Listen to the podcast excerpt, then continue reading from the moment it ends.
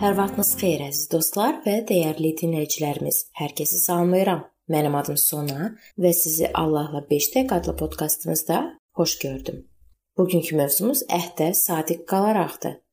Müqəddəs kitabda rast gəldiyimiz ilk əhdlərdən biri Yaradılış kitabı 9-cu fəsil 9-cu ayədə təsvir edilir.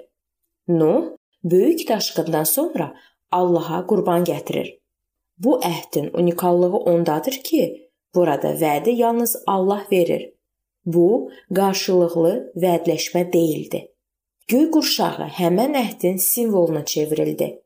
Allah o əhdi əbədi adlandırdı. Bu əhd insan tərəfindən hər hansı öhdəlik tələb etmirdi. Buna görə də bu günədək qüvvədədir. Allah öz əhdinə sadiqdir.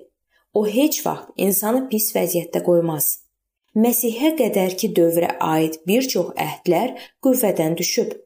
Səbəb isə odur ki, insan öz tərəfindən müqəddəs razılaşmanın şərtini pozub.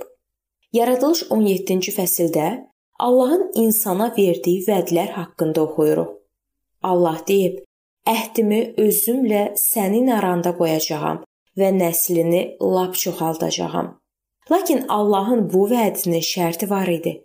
İbrahim Allahın mənim yolumla get və kamil ol əhdinə itaat etməli idi. Allah istəyirdi ki, bu əhd əbədi sürsün. Allah əbədi olaraq İbrahimin və ondan törəyənlərin Allahı olmaq istəyirdi. Sünnət bu əhdin simvolu oldu. Əgər insan bu zahiri simvolu riayət etmirdisə, Allah bunu bu əhdin pozulması kimi qəbul edirdi. Sünnətin yalnız zahiri simvol olmasına baxmayaraq, o Allahın onların Allahı olduğunu simvolizə edirdi. Simvola sahib olmaqdan imtina etmək Allahın huzurundan imtina demək idi. Bununla belə yazıdan görürük ki, İsrail xalqının sonrakı dövrlərində yəhudilər sünnətə xüsusi vurğu vururdular. Amma eyni zamanda Allahın onların Allahı olması istəmirdilər. Kəlamı bir qədər də vərəqləyib İbrahimin nəvəsi Yaqubun yaşadığı dövrə çatırıq. Yalan vasitəsilə atasının xeyir duasını alıb, indi də öz qardaşından canını qurtarmaq üçün qaçırdı. Beləliklə gecə yuxuda Allah onun yanına gəldi. Rəbb söz verdi ki, Yaquba və ondan törəyənlərə həmin gecə onun yatdığı torpağı verəcək. Əmin etdi ki, ondan törəyənlərin sayı yer üzündəki qum sayı qədər olacaq.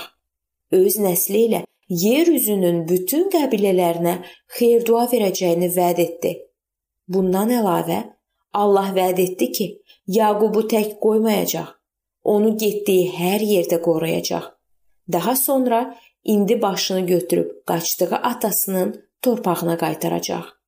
Yaqub isə öz növbəsində Allaha söz verdi ki, əgər o vədinə əməl etsə, ona çörək və geyinmək üçün paltar versə, sür içərisində atası evinə qaytarsa, onda Rəbb mənə Allah olacaq. Kəlamda bu əhd sözü ilə ifadə edilməsə də, bu qarşılıqlı vədləşmədə əhd elementlərini görmək olar. Daha sonra daş qoyub üstünə yağ tökdü. Bu bağlanan sazişin simvolu idi. Bizim üçün xüsusi əlamətdardır ki, Allah öz əhdini Yaqubla bağladı. Məgər Allah deməmişdi ki, öz əbədi əhdini İbrahim və ondan sonra törəyənlərlə bağlayacaq. Amma o həm də demişdi ki, Yaradılış 17:7 özü ilə İbrahim və ondan sonrakı nəslin arasında əbədi əhd qoyur ki, ondan sonrakı nəslin də Allah olacaq.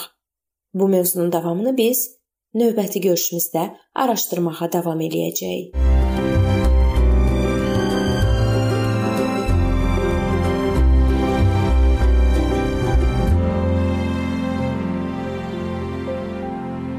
Beləliklə əziz dostlar, Bu yerdə bu mövzu sona çatdı.